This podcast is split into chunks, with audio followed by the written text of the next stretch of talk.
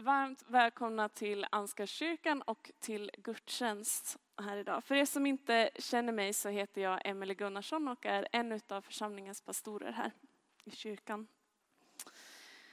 Temat för dagens gudstjänst är Guds moder. Och kanske så skulle man kunna beskylla många av oss i frikyrkan för att undvika att titta allt för noga på Maria. Men i hennes berättelse så finns det väldigt många skatter att hitta om vad livet med Gud kan innebära och vad det kan innebära att ha en kallelse. Det kommer vi att kolla mer på under gudstjänsten. Men så här inledningsvis så skulle jag vilja lyfta upp en liten annan godbit i samma text. Så därför så läser jag den nu och det är från Lukas eh, första kapitel. Några dagar efteråt gav sig Maria iväg och skyndade till en stad i Judabergsbygd. Hon gick till Sakarias hus och sökte upp Elisabet. När Elisabet hörde Marias hälsning sparkade barnet till i henne och hon fylldes av helig ande. Hon ropade med hög röst, välsignad är du mer än andra kvinnor och välsignat det barn du bär inom dig. Hur kan det hända mig att min herres mor kommer till mig? När mina öron hörde din hälsning sparkade barnet till i mig av fröjd. Salig hon som trodde till det som Herren har låtit säga henne ska gå i uppfyllelse. Och den här godbiten som jag vill lyfta upp i den här texten, ja men det är just när barnet i Elisabet sparkar till utav glädje. När han hör Marias röst och hur Elisabet fylls av helig ande. Och jag tycker att glädjen i den här texten är uppenbar. Barnet sparkar till av fröjd. Och jag tror att Gud ganska så ofta ger sig till känna genom glädje. När man hör någon berätta om något gott som har hänt, en annan människa har gjort något gott för en tredje. Eh, och man blir glad av att höra den här godheten som har visats. Eller för mig åtminstone, när jag får se en snöklädd skog eh, där solen lyser och får gnittra på sol, snöflingorna och färgar de här björkarnas stammar alldeles gyllengula. Men då fylls jag av en inre glädje som jag kopplar till Gud. Jag tror att det delvis handlar om att Gud bor i varje människa och genom den heliga ande som är i oss så gläds vi över den skapelse som, som Gud har skapat. Eller som jag hör flera säga när man börjar vara i en kyrka, som den här till exempel. Och som jag själv upplevde när jag började gå till kyrkan, att man känner sig tillfreds. Man känner sig glad. Man går därifrån med lättare steg, med ett leende på läpparna och med lite större hopp. Jag tror att det är Gud som verkar i oss. Gud som låter oss känna att han är nära Även om han är med och var som helst och när som helst. För det är ju lite så att känslor kan vara väldigt härliga men de är ganska så flyktiga.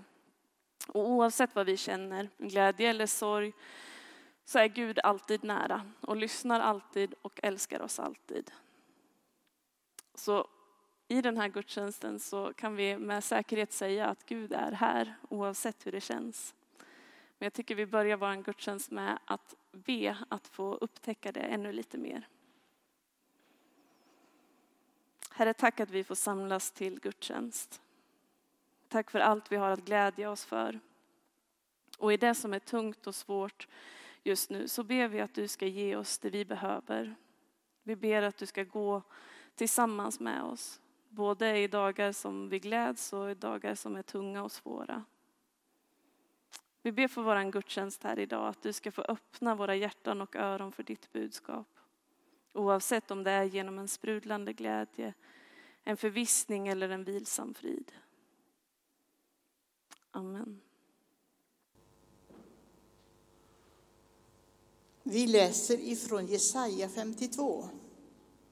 Härligt är att höra budbärarens steg när han kommer över bergen han som bär bud om seger, som ropar ut goda nyheter, bär bud om räddning och säger till Sion, din Gud är konung. Hör, Dina väktare ropar och jublar. Med egna ögon ser de hur Herren vänder åter till Sion. Brist ut i jubel, Jerusalems ruiner. Herren tröstar sitt folk och friköper Jerusalem. Herren visar sin makt och helighet inför alla folk.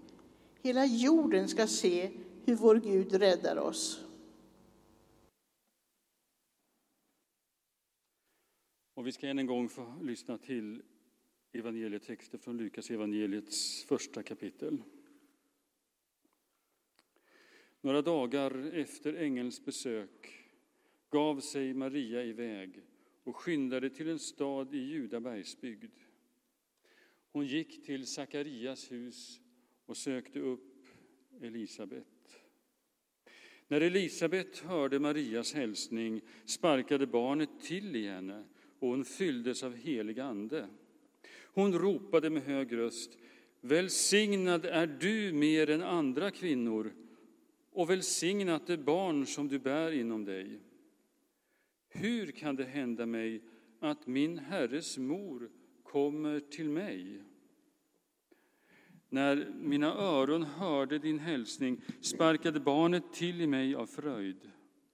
Salig hon som trodde, ty det som Herren har låtit säga henne skall gå i uppfyllelse.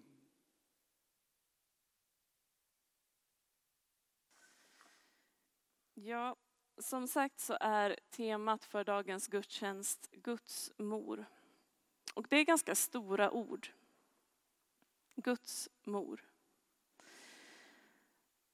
Och för Maria så blir det här en väldigt viktig kallelse. Och man kanske inte ska tala om människor som verktyg, men idag så hittade jag inte så mycket bättre ord. Maria får bli verktyget som Gud använder för att själv bli människa. Och det är stort. Det är stort att Gud som har skapat hela universum, som känner varje människa så när som på varje hårstrå på hennes huvud. Gud som är så stor väljer att bli en människa. En liten bebis som är beroende utav att andra människor hjälper till för att den ska kunna växa upp. Och det är stort för att Maria får bära Gud i sin mage och hennes kropp får ge kropp åt Gud. Och när sen Jesus är född så får Maria också ta hand om honom. Och det var en stor kallelse som Maria fick och som hon också accepterade. Och i hennes berättelse så kan vi spegla oss för vår egen kallelse. Vi kan ana de brottningskamper som hon måste ha haft och till viss del känna igen oss i dem själva i vår egen brottning med Gud. Och kanske känner du att ja, men nu jämför du mig med, med någon som ligger ganska långt bort, bortanför mig. Att en så stor kallelse, det har inte jag för mitt liv. Och kanske så är det många pastorers ovana att snöa in på olika ord, men jag tycker att Magnus Malm, när han snör in på ordet kallelse, gör det på ett ganska gott sätt. Han menar att vi först och främst är kallade till Gud, till relation och närhet med Gud. Och därefter så blir vi sända till olika uppdrag och uppgifter. I den uppdelningen så blir det ännu tydligare att alla har en kallelse. Varje människa har fått kallelsen till en relation med Gud. Fått inbjudan, kom till mig, alla ni som är tyngda av bördor. Jag ska skänka er vila. Ta på er mitt ok som är lätt att bära. Och jag skulle säga att vi alla också är sända, men att uppgiften eller uppdraget kan se ganska olika ut. Och vi kan också vara olika medvetna om vad vi är sända till vid olika tider och tillfällen. För fascinerande nog så kan man se att även i de perioder när man inte själv har satt något eget värde på sin insats så kan Gud i efterhand visa att här var du med och gjorde något gott. Här var jag med och verkade genom dig. Så ja, jag skulle säga att ni var och en av er är kallade. Kallade till Gud. Och du är också sänd, Men jag vet inte för var och en av er till vad eller vid vilken tid. Ibland så brukar man säga att kvinnorna i Bibelns berättelse får stå tillbaka för männen. Och delvis så är det väl så. Eh, Bibelns texter har skrivits i, en tider, i tider då män har haft mer makt än kvinnor. Men fantastiskt nog så låter inte Gud det hindra honom. Nej, flertalet gånger så har vi berättelser där en kvinna blir hjälten eller verktyget för Guds räddande. Till exempel i Rachav som hjälper spionerna från Israel i Josua kapitel 2. Eller Ester som under tiden i Babylon räddar hela det judiska folket från utplåning. Och så Maria som blir verktyget för att Gud själv blir människa. Människan Jesus som visar vägen till Gud Fadern och som dör för att rädda oss alla. Och det är helt i linje med Guds karaktär att göra på det här sättet. Genom Bibeln så är det inte de tappade, nej, de tippade, helt annat ord, eh, och starka, de som samhället ser upp till, som, som blir de stora hjältarna. Utan nej, det är de som folk ofta ser ner på, som ingen förväntar sig ska ha något stort att bidra med, som Gud använder för att, att rädda. Tänk bara på kung David som var den minsta av sina bröder. Han fick inte ens delta i kriget mot filisterna, utan blev satt att vakta får. Han som de andra skrattade åt när han skulle ta sig an Goliat. Och ändå så vinner David den striden. Och sen blir han Israels mest hyllade kung. Och jag tänker att det här med att Bibelns hjältar ofta är de som anses vara ganska svaga kan vara ganska värt att ha i åtanke när vi märker att Gud gör någonting igenom oss. Det kan vara ganska så ödmjukande. För även om vi blir de som får ta emot en eller annan hyllning så för den framgång som har skett så är det ju ytterst sett tack vare Gud. Och vi är gott i att påminna oss om att tacka Gud för hans hjälp. Och det sätter också ljus på hur viktig bön är när vi vill göra något tillsammans med Gud. För jag tror att det är precis så som Jesus säger i Johannes kapitel 15. Jag är vinstocken och ni är grenarna. Om någon är kvar i mig och jag i honom bär han rik frukt. Men utan mig kan ni ingenting göra. Så jag har två uppmaningar idag och det här är den första. Fortsätt att be. Det är fantastiskt bra att be. Men vad är det då som gör att Gud väljer David till att bli kung? Jo, men det är ju hans hjärta. Och läser vi vidare i den här Lukas-texten som vi har fått höra nu två gånger så kan vi ana Marias hjärta och inställning. För när Elisabet säger, hur kan det hända mig att min herres mor kommer till mig? När mina öron hörde din hälsning sparkade barnet till i mig av fröjd. Salig hon som trodde, till det som Herren har låtit säga henne ska gå i uppfyllelse. Ja, då svarar Maria med lovprisning till Gud. Och jag läser fortsättningen. Min själ prisar Herrens storhet. Min ande jublar över Gud, min frälsare. Han har vänt sin blick till sin ringa tjänarinna. Från denna stund ska alla släkten prisa mig salig. Stora ting låter den mäktige ske med mig. Hans namn är heligt och hans förbarmande med dem som fruktar honom varar från släkte till släkte. Han gör mäktiga verk med sin arm, han skingrar dem som har övermodiga planer. Han störtar härskare från deras troner och han upphöjer de ringa. Hungriga mättar han med sina gåvor och rika skickar han tomhänta bort. Han tar sig an sin tjänare Israel och håller sitt löfte till våra fäder att förbarma sig över Abraham och hans barn till evig tid. Redan innan Jesus är född så jublar Maria över vad han ska göra. Texterna här visar att både Maria och Elisabet delade drömmen om det som profeterna hade sagt skulle slå in. Att Gud skulle välsigna hela världen genom Abrahams ett. Att makterna som höll världen fången skulle övervinnas. Marias jubelsång visar också att hon är väl bevandrad i de gammaltestamentliga texterna. Nästan varje mening är ett citat som Maria måste ha lärt sig sedan långt tidigare.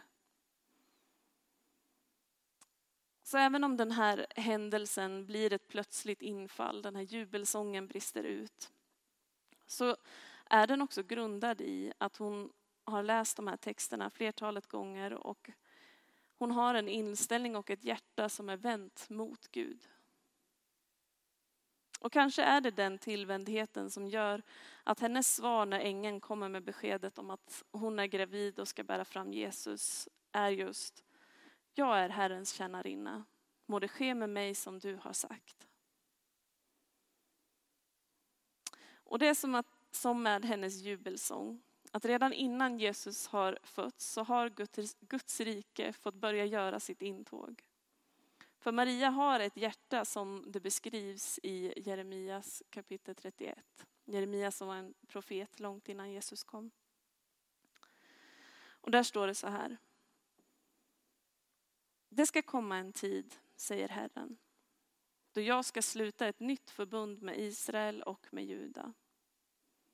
Inte ett sådant förbud som, förbund som jag slöt med deras fäder när jag tog dem vid handen och förde dem ut ur Egypten. Det förbund med mig som de bröt, fast jag var deras herre, säger Herren. Nej, detta är det förbund jag ska sluta med Israel när tiden är inne, säger Herren. Jag ska lägga min lag i deras bröst och skriva den i deras hjärtan. Jag ska vara deras Gud och de ska vara mitt folk. De ska inte längre behöva undervisa varandra och säga lär känna Herren. Ty de alla ska känna mig. Från den minste till den störste, säger Herren. Jag ska förlåta dem deras skuld och deras synd ska jag inte längre minnas.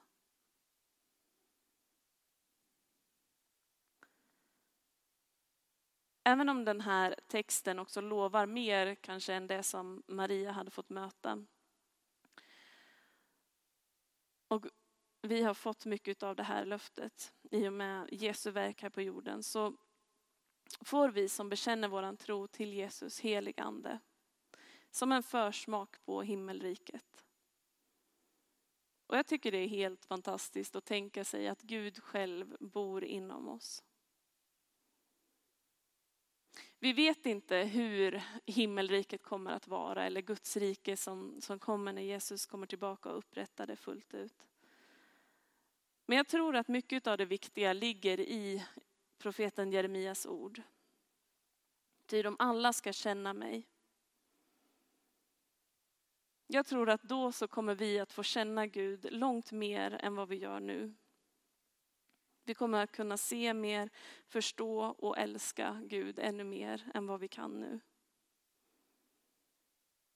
Men jag tycker det är väldigt vackert att den försmak som vi får på detta himmelrike, ja det är att Gud själv flyttar in i oss. Och verkar i oss för att göra oss ännu mer lika Jesus.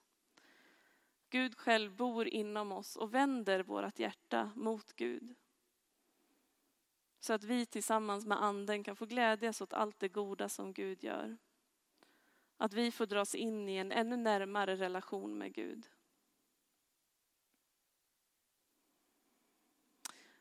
Så min andra uppmaning som jag skulle vilja skicka med er, det är att under den här julledigheten få låta berättelserna kring julens händelse tala till er och vända ert hjärta mot Gud. Att ta en liten stund där man kan få i stillhet läsa de texterna och be bönen att den heliga ande ska tala genom sitt ord. Och hjälpa våra hjärtan att vända sig mot Gud ännu lite mer. Amen.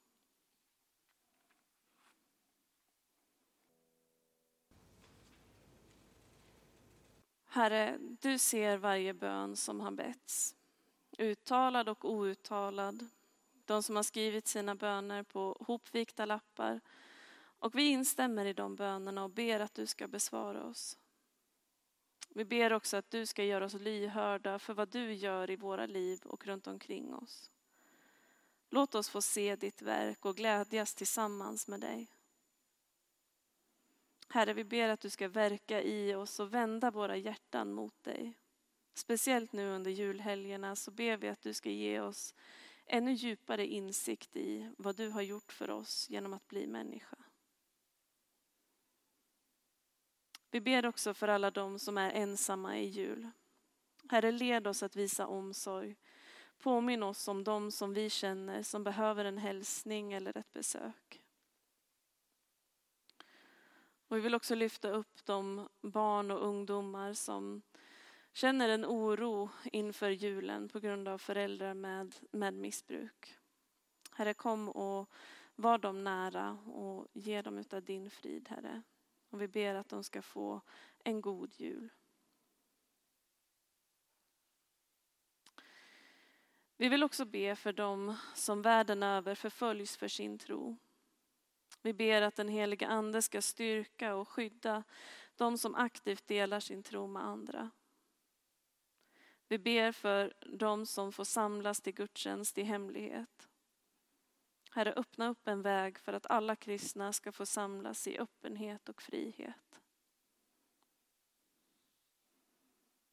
Amen. Och så ber vi den bönen som Jesus lärde sina lärjungar, vår Fader. Nej. Vår Fader, du som är i himlen. Låt ditt namn bli helgat. Låt ditt rike komma. Låt din vilja ske på jorden så som i himlen. Ge oss idag det bröd vi behöver och förlåt oss våra skulder liksom vi har förlåtit dem som står i skuld till oss. Och utsätt oss inte för prövning utan rädda oss från det onda. Ditt är riket, din är makten och äran i evighet. Amen. Men vi ska avsluta med välsignelsen och ni får gärna stå upp då. Herren välsigne er och bevare er. Herren låter sitt ansikte lysa över er och vare er nådig. Herren vände sitt ansikte till er och give er sin fred och frid. I Faderns, Sonens och den helige Andes namn. Amen.